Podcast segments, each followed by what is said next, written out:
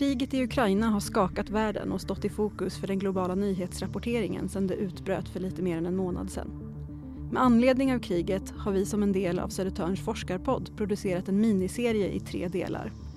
Här ska vi belysa olika perspektiv av konflikten och den pågående invasionen och i det här första avsnittet ska det handla om medier. Mycket av nyhetsrapporteringen har såklart kretsat kring vad som händer på marken i Ukraina kring soldaterna, förstörda städer och människor som tvingas på flykt. Men parallellt med striderna på marken pågår också ett informationskrig där både Ryssland och Ukraina vill ha kontrollen över den bild av konflikten och av de båda länderna som förmedlas till omvärlden. Vilken bild är det som Ukraina försöker förmedla? Hur bemöter de rysk propaganda? Och vem är det som ligger bakom informationen som sprids? Vi ska också prata om sociala medier de kritiseras ofta för att vara en plats där desinformation sprids fritt och snabbt. Men här finns också möjlighet för människor att känna sig delaktiga, visa solidaritet och organisera sig. Hur används de här digitala plattformarna som politiska slagfält för att ta kontroll över informationsflödet? Och hur ska vi veta vilken information som går att lita på?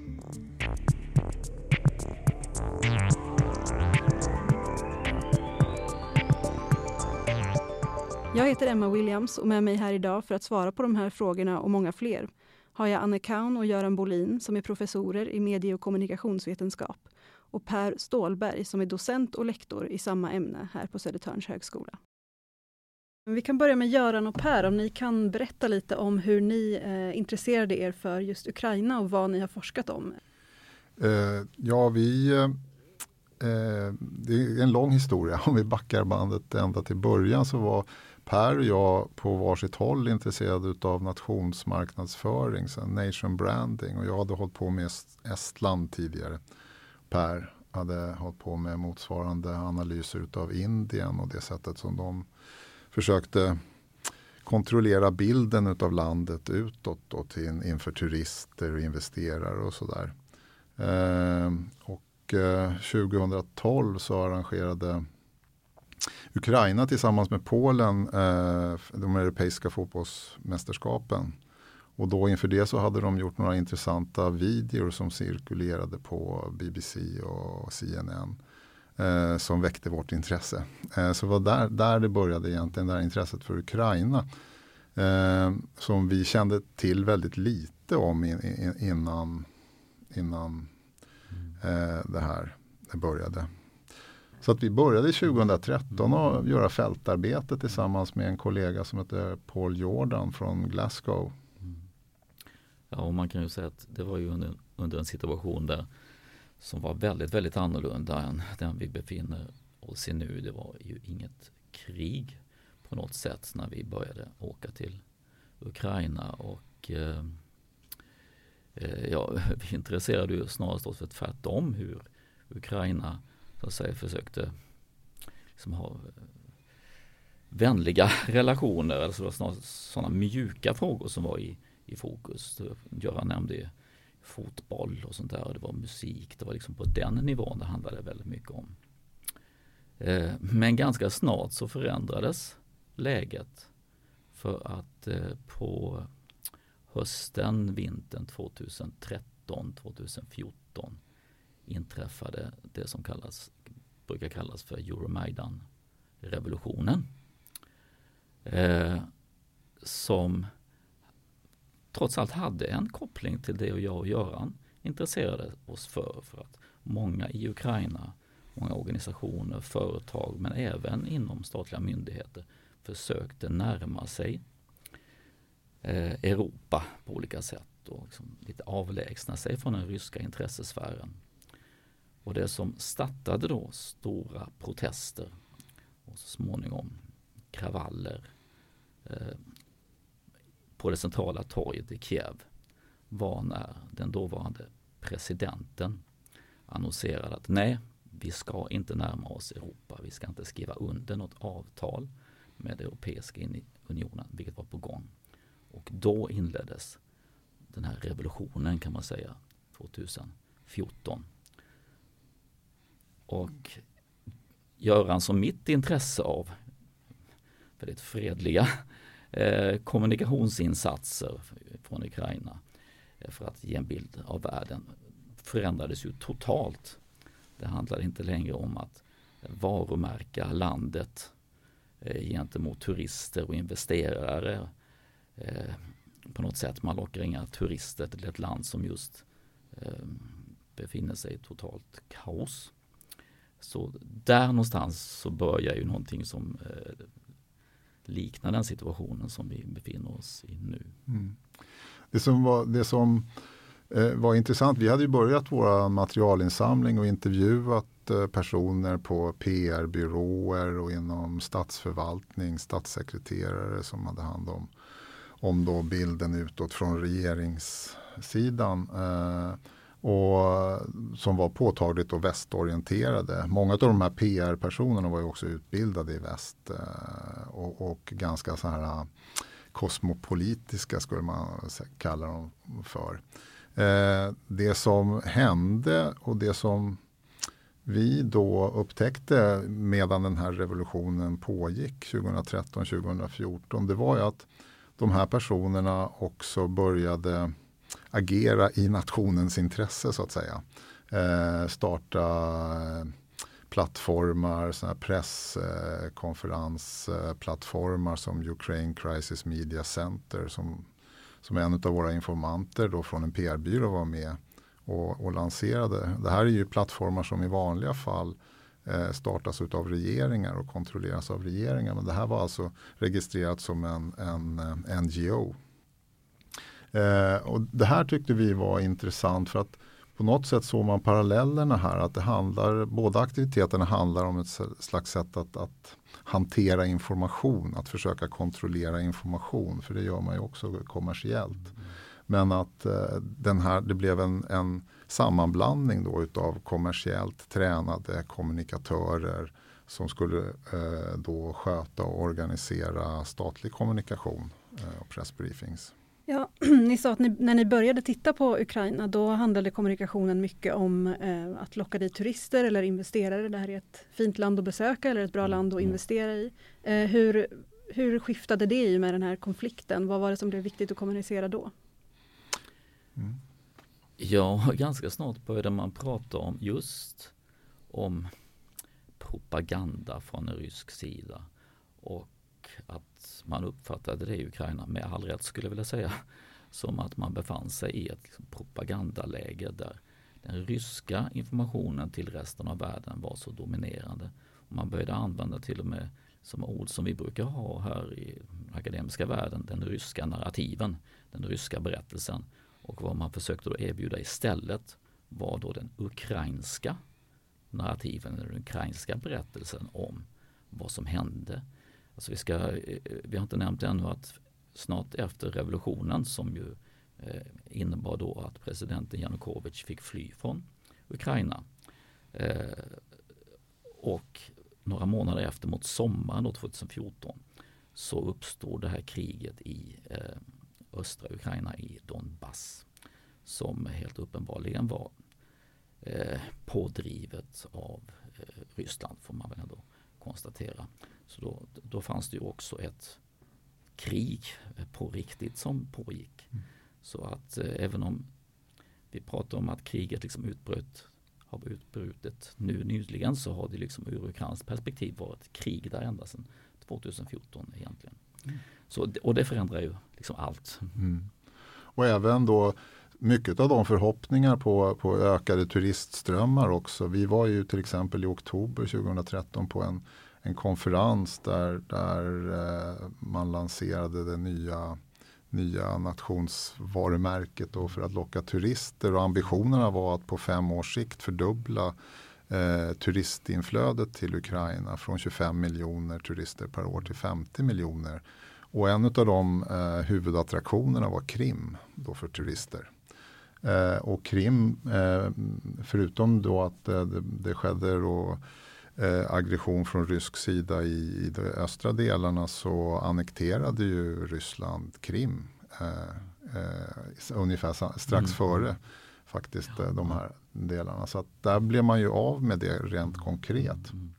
Och Krim har ju aldrig erkänts av andra länder som ryskt utan eh, eh betraktas ju fortfarande som mm. ukrainskt. Mm. Så, att, eh, så jag menar, och just så vad vi upplevde då tidigt när vi började forska i Ukraina var den här totala omvändningen i de eh, menar, 2013 när vi först åkte dit på våren och hösten. Så det fanns ju otroliga förhoppningar bland människor vi mötte i, eh, i, i Kiev. Eh, kring att ja, nu var Ukraina på gång, vi närmar oss väst, vi kommer att bli ett västland som alla andra. Eh, vi är med och liksom spelar bland moderna länder. Till väldigt snabbt att nu är vi liksom i krig eh, med Ryssland. Så allting, alla förtecken och den otroliga, otroliga liksom besvikelsen, bitterheten, ilskan som vi nu ser väldigt tydligt. Den började ju såklart redan då, har byggts upp under, under åtta år. Mm.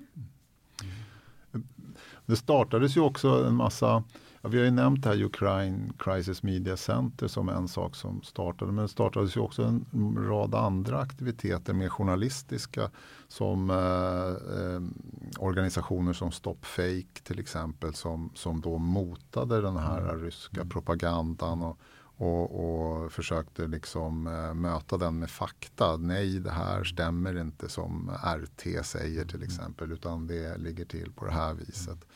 Eh, och det där har ju också varit en del av det vi har eh, forskat om. Vi har gjort intervjuer med dem, mm. de eh, tongivande där och aktiva i, inom Stopfake. Och mm. Stopfake har ju varit ganska framgångsrika i, i att också mm. liksom torgföra det här med, med eh, eh faktagranskning. Mm. Ungefär som viralgranskaren mm. var, blev populär i Sverige. Med, mm. så, så har ju Stopfake blivit ett slags mm riktmärke för den typen av aktiviteter. Och riktar de sig mest då ut mot resten av världen för att eh, förhindra att andra ska få en, den bilden av Ukraina som Ryssland försöker förmedla? Då? Ja, både, både internt, alltså de har, jag vet inte hur många språk det är, deras eh, hemsida är säkert uppåt en 8-10 språk. Ja, som man kan... Även till arabvärlden. Eh, är det, så att man ska veta att att eh, de här reklammänniskorna som vi intervjuade i Kiev, de riktade sig åt Europa men också åt arabvärlden för att locka turister och investerare eh, därifrån. Mm. Eh, redan innan då 2013 eh, när, när det här eh, kriget eh, bröt ut, eller kriget bröt väl inte ut förrän 2014 där, men Eh, så att det tänker man kanske mindre på när man, man pratar mycket om den här relationen och dragningen till Europa. Men det har även liksom varit till andra, andra delar liksom som man vill attrahera för turistinflöden och, och investeringar och så vidare. Mm.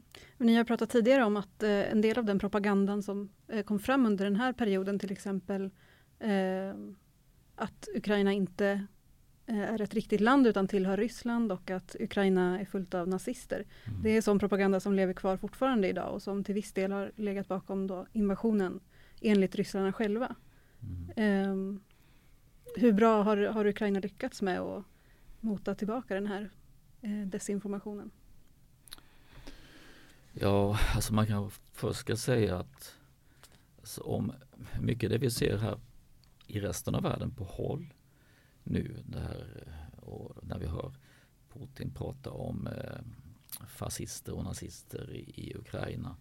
Eh, kanske kommer, om man inte har följt läget som en överraskning, men inne i Ukraina så såg man ju det här väldigt, väldigt tidigt och har varit mycket mer medveten om vad som har hållit på att byggas upp eh, mot dem än vad, vad jag tror vi har varit här utifrån. Och, och just den här inslagen med att det dök upp eh, i hela världen och män som, som ofta hade en källa i Ryssland att eh, det var ukrainska fascister som låg bakom revolutionen 2013. Det var någonting som just Stop Fake jobbade väldigt mycket med att försöka eh, motverka eller avslöja som fake.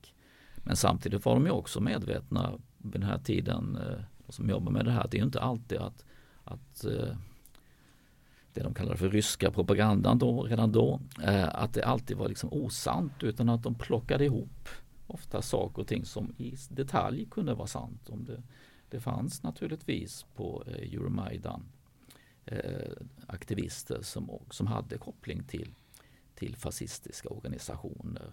Eh, och det var ju väldigt lätt att, så att säga, bilderna på dem, att sprida dem i resten av världen och överbetona den betydelsen de hade eh, under själva händelserna.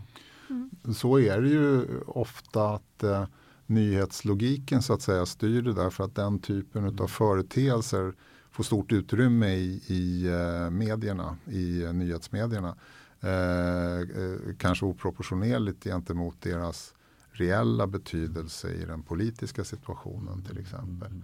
Eh, så kan man ju tänka också när man tittar på Sverige och vilka som får, får, får alltså en, en, en, rörelse som NMR som ju inte är särskilt stor andel av den svenska befolkningen får ju en betydligt större andel eh, uppmärksamhet i nyhetsmedierna så fort de gör någonting. Så det, mm. Och det var ju, alltså det var ju tanke, jag tycker det var väldigt tankeväckande då redan i början 2014 när personer då som i de här organisationerna som jobbade mot rysk propaganda och försökte bygga liksom en ukrainsk narrativ. När de sa att ja, problemet är egentligen inte när eh, Ryssland, Kreml ljuger. Det är väldigt lätt att avslöja sådana såna informationsinsatser. Stora problemet är när de eh, använder saker och ting som i detalj är sant men och bygger en större bild mm. som blir totalt eh, falsk. Det, det, är det vara, som är det stora problemet. Och det måste vara en väldigt eh, genomtänkt eh, strategi då antagligen. Ja, alltså vi har ju som sagt inte tittat på Ryssland så vi vet ju inte alls hur genomtänkt den, den är. Vi har bara tittat på mm. Ukraina. Men man kan väl också säga så här att det är ju eh, inom journalistiken så väljer man ju alltid en vinkel. Eh, och man skulle kunna prata om det här som, som, som, som då fake news. Att det är väldigt sällan som det är helt falskt. För det är väldigt lätt att liksom eh, eh avvederlägga. Eh, men eh, det finns ett korn av sanning som är väldigt hårt vinklat och där vissa liksom, aspekter av fenomen undertrycks och andra framhålls på ett sätt som gör att, att förleder tankarna åt vissa håll. Mm. Eh, I den här konflikten kan man ju säga att, att eh, information har använts som ett, eh, ett, vapen och en plattform där man eh, sprider information från alla håll väldigt snabbt och effektivt i sociala medier. Eh, Anne, kan du prata någonting om eh, vad du har forskat om där? ja, jag, kan, jag har ju inte forskat direkt om Ukraina eh, som, som land. Så det som jag kan prata om eller säga någonting om är med allmänt eh, rollen av sociala medier i eh, kanske kris och konfliktsituationer.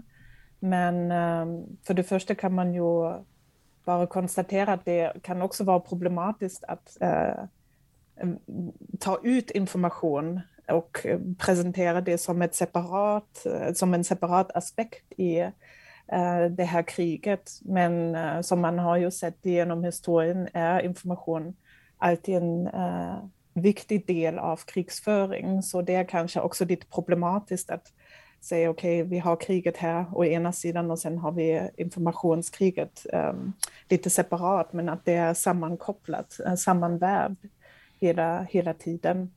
Men eh, just i det här fallet är det ju eh, väldigt intressant att just se hur sociala medier både agerar som ett forum, alltså där information sprids som du sa nu, väldigt snabbt och i en hög hastighet och som kommer samtidigt väldigt nära användarna. Alltså det är mycket visuellt material som väcker mycket eh, emotion och så vidare. Men samtidigt är det också att själva plattformarna som teknologisk infrastruktur blir ju en del av krigsföring eller en, en del av kriget. Alltså om man tänker på vilka plattformar stängs av i Ryssland till exempel och inte kan användas på samma sätt längre. Eller vilka blir väldigt populärt, att det är jättemånga som börjar använda Telegram nu, för det är en sån plattform där man får väldigt mycket information Eh, där det sprids eh, mycket information just nu. Eh, men eller att TikTok väljer själv att dra sig tillbaka från Ryssland och sådana aspekter att det är inte bara själva innehållet men också tillgång till plattformen som, som blir en del av konflikten eller en del av kriget. Så det, det är en sida uh, av det hela.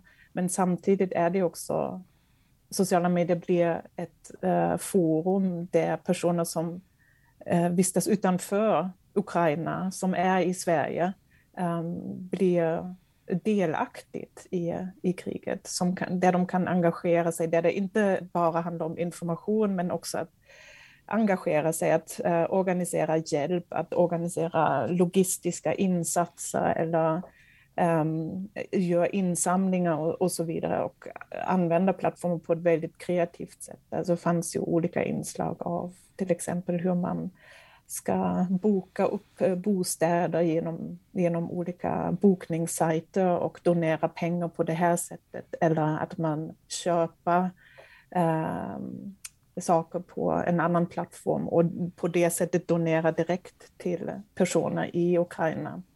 Um, så. så det finns kreativa sätt som uh, sociala medier möjliggör att engagera sig i, i uh, den här konflikten. Mm. Mm. Eh, Göran, ville du lägga in någonting här? Ja, jag tänkte haka på lite det här som du säger Anne.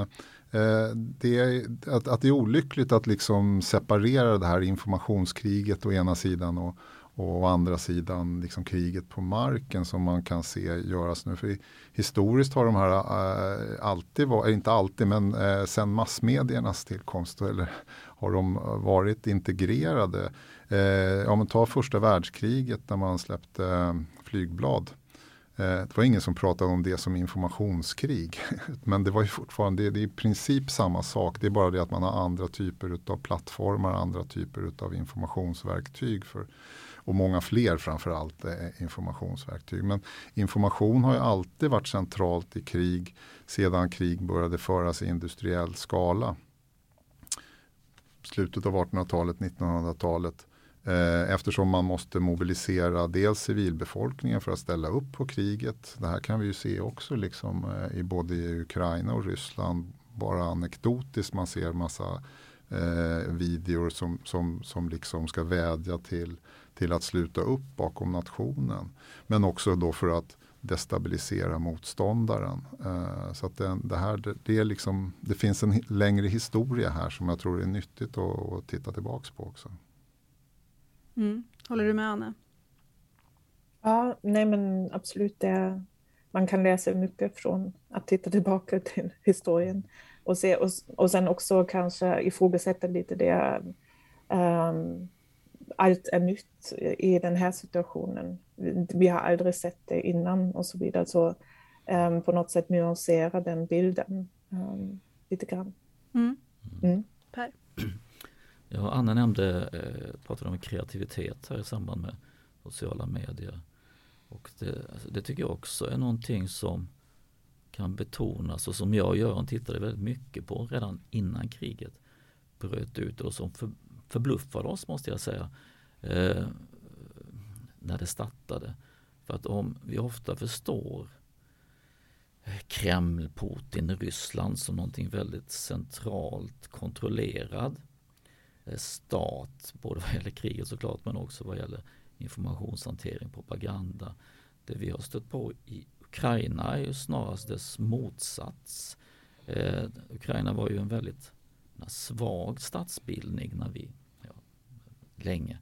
Och väl mycket som vi observerade redan innan kriget när det gällde att hitta på saker för att Ukraina skulle bli synligt som land utifrån eh, var ju liksom väldigt uppsplittrade insatser. Det var inte så att det var en statlig myndighet som hade kontroll över allt utan organisationer och företag på något sätt på kreativa sätt hittade på hur Ukraina skulle bli synligt. Och det fortsatte ju sen även efter eh, revolutionen när man då befann sig i det här krigsläget. Det var massa olika aktörer som var liksom inblandade i att motverka det man såg som den ryska eh, berättelsen, den ryska propagandan med massa fiffigheter om man kan, om man kan prata om det, det här sammanhanget. Och lite av det ser vi ju fortfarande i våra som eh, flöd, sociala medieflöden. Även om kanske man tydligare idag ser en president som tar utrymme på annat sätt och tycks ha initiativet än vad det var innan kriget. Mm. Um, ja, men just det här med att uh, information kan spridas otroligt snabbt i sociala medier nu, det gör ju också att uh, det ökar ju risken för att vi får felaktig information som också i det här fallet har plockats upp av etablerade medier. Att vi har fått veta att eh, en del bilder som de har visat och som vi har fått se från, från det som eh, de har påstått varit kriget i Ukraina har tagits på helt andra platser eller i andra sammanhang. Eh, Anne, du har forskat en del om, om eh, vår tillit till medierna under coronakrisen, men jag tänker att det här påverkar ju såklart vår tillit eh, till medierna eh, när, när vi inte kan vara säkra på om informationen som kommer ut är, är sann. Kan du säga någonting om, om eh, hur, du, hur du ser på vår tillit till medierna i, i den här situationen? Ehm, ja, det, det kan, ja, alltså för det första är det ju verkligen väldigt svårt att på något sätt verifiera information. Det gäller både det som delas i sociala medier, men även för journalister är det en extrem situation att jobba i när det är olika sidor som har väldigt stora intressen, alltså väldigt starka intressen i hur Eh, Eh, det här kriget skildras i, i, i medierna och så vidare. Så det är inte bara ett problem för sociala medier, men journalister har ju helt andra strategier för att verifiera information och så vidare. Det finns en organisatorisk infrastruktur för det. I sociala medier och plattformarna, där finns det också en moderering och alltså så lite eh, kontroll nu med om det är desinformation och så vidare. Men i just krigssituationer är det väldigt svårt att verifiera eller ta mycket eh, resurser att, att göra det. Eh, så då blir det väldigt svårt också för den enskilda användaren, att avgöra vad, vad är det som, som är sant eller falskt. Och det finns ju olika tips att man ska fundera, okej, okay, vem är avsändaren? Vad har den för intresse att den här informationen delas vidare? Men även det, alltså även om det finns sådana checklistor, är det väldigt svårt att besvara sådana frågor i, i den här situationen. Men sen kan man ju allmänt säga att i, i Sverige är ju tilliten till information som man får genom sociala medier väldigt lågt. Alltså om man jämför med andra länder. Så eh, tilliten till de etablerade eh, medierna, till public service, är mycket, mycket högre. Eh, och särskilt radio spelar en viktig roll alltså när det gäller tillit, där eh, användarna eller lyssnare har väldigt hög tillit som informationskälla. Så det kan man också tänka på att det finns en ganska stark förankrad eh, kritik eller medvetenhet om problematiska aspekter med information som delas i sociala medier, i alla fall i Sverige. Och samtidigt finns det en stark tillit till eh, public service. Så när personer, i alla fall när det gällde corona eh, och information där som, som vi såg i vårt material, så är det att um, eh, svenskarna vänder sig till å ena sidan myndigheter, institutioner som man har tillit till och eh, de etablerade traditionella medier och i en väldigt låg utsträckning till eh, sociala medier. Mm. Vet ni hur det ser ut i Ukraina? Med tillit? Mm.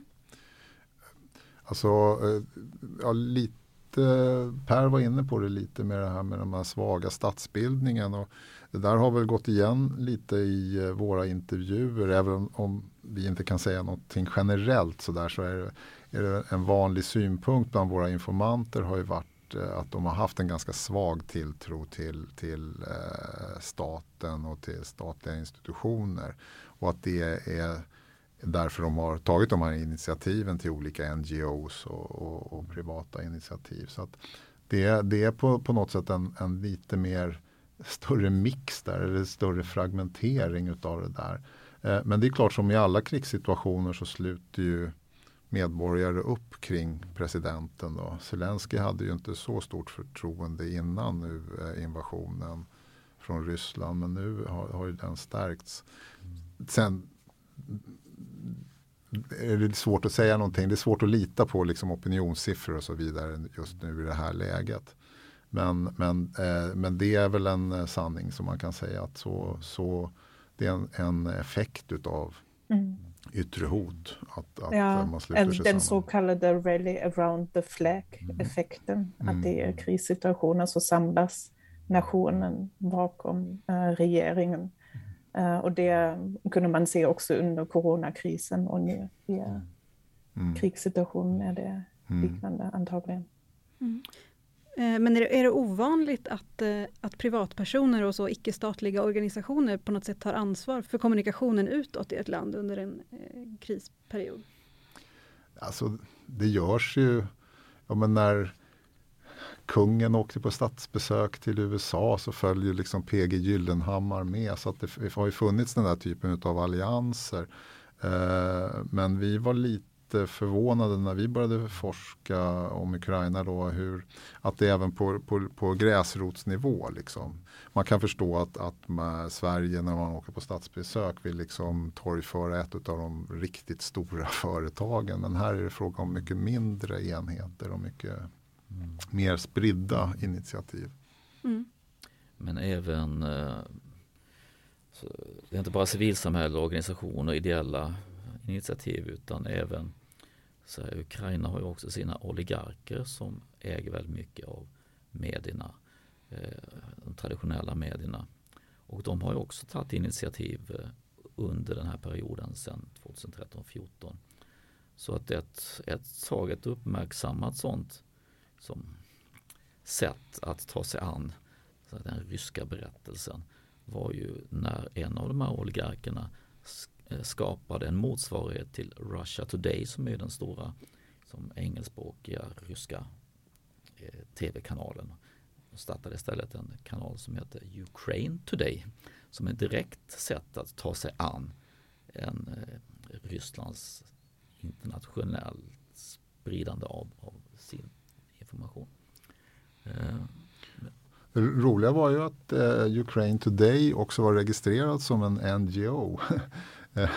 så, som en civilsamhällesorganisation så att säga men hade då en eh, privata intressen i ryggen liksom finansiellt eh, eh, i alla fall. Man kanske ska tillägga också att det är viktigt att veta att Ukraina var inte alltså väldigt olik. Alltså, det, var väldigt, det var faktiskt en mångfald av medieorganisationer i eh, Ukraina. Inte alls så att det fanns statligt kontrollerade massmedier som hade total dominans. Utan det, det var många olika eh, tidningar och tv-kanaler. Samtidigt som de i sin tur var då väldigt ofta ägda av oligarkerna. Så att den, vad, vad det handlar om tillit, så vad vi ofta hörde var inte att man misstrodde någon slags statliga medier i Ukraina utan man tänkte att ja, sänds det den kanalen så är det i den oligarkens intresse och så vidare. Just det, det är mycket att hålla reda på. Då, mycket vem, hålla reda på. vem som äger vilken kanal. Mm. Ja.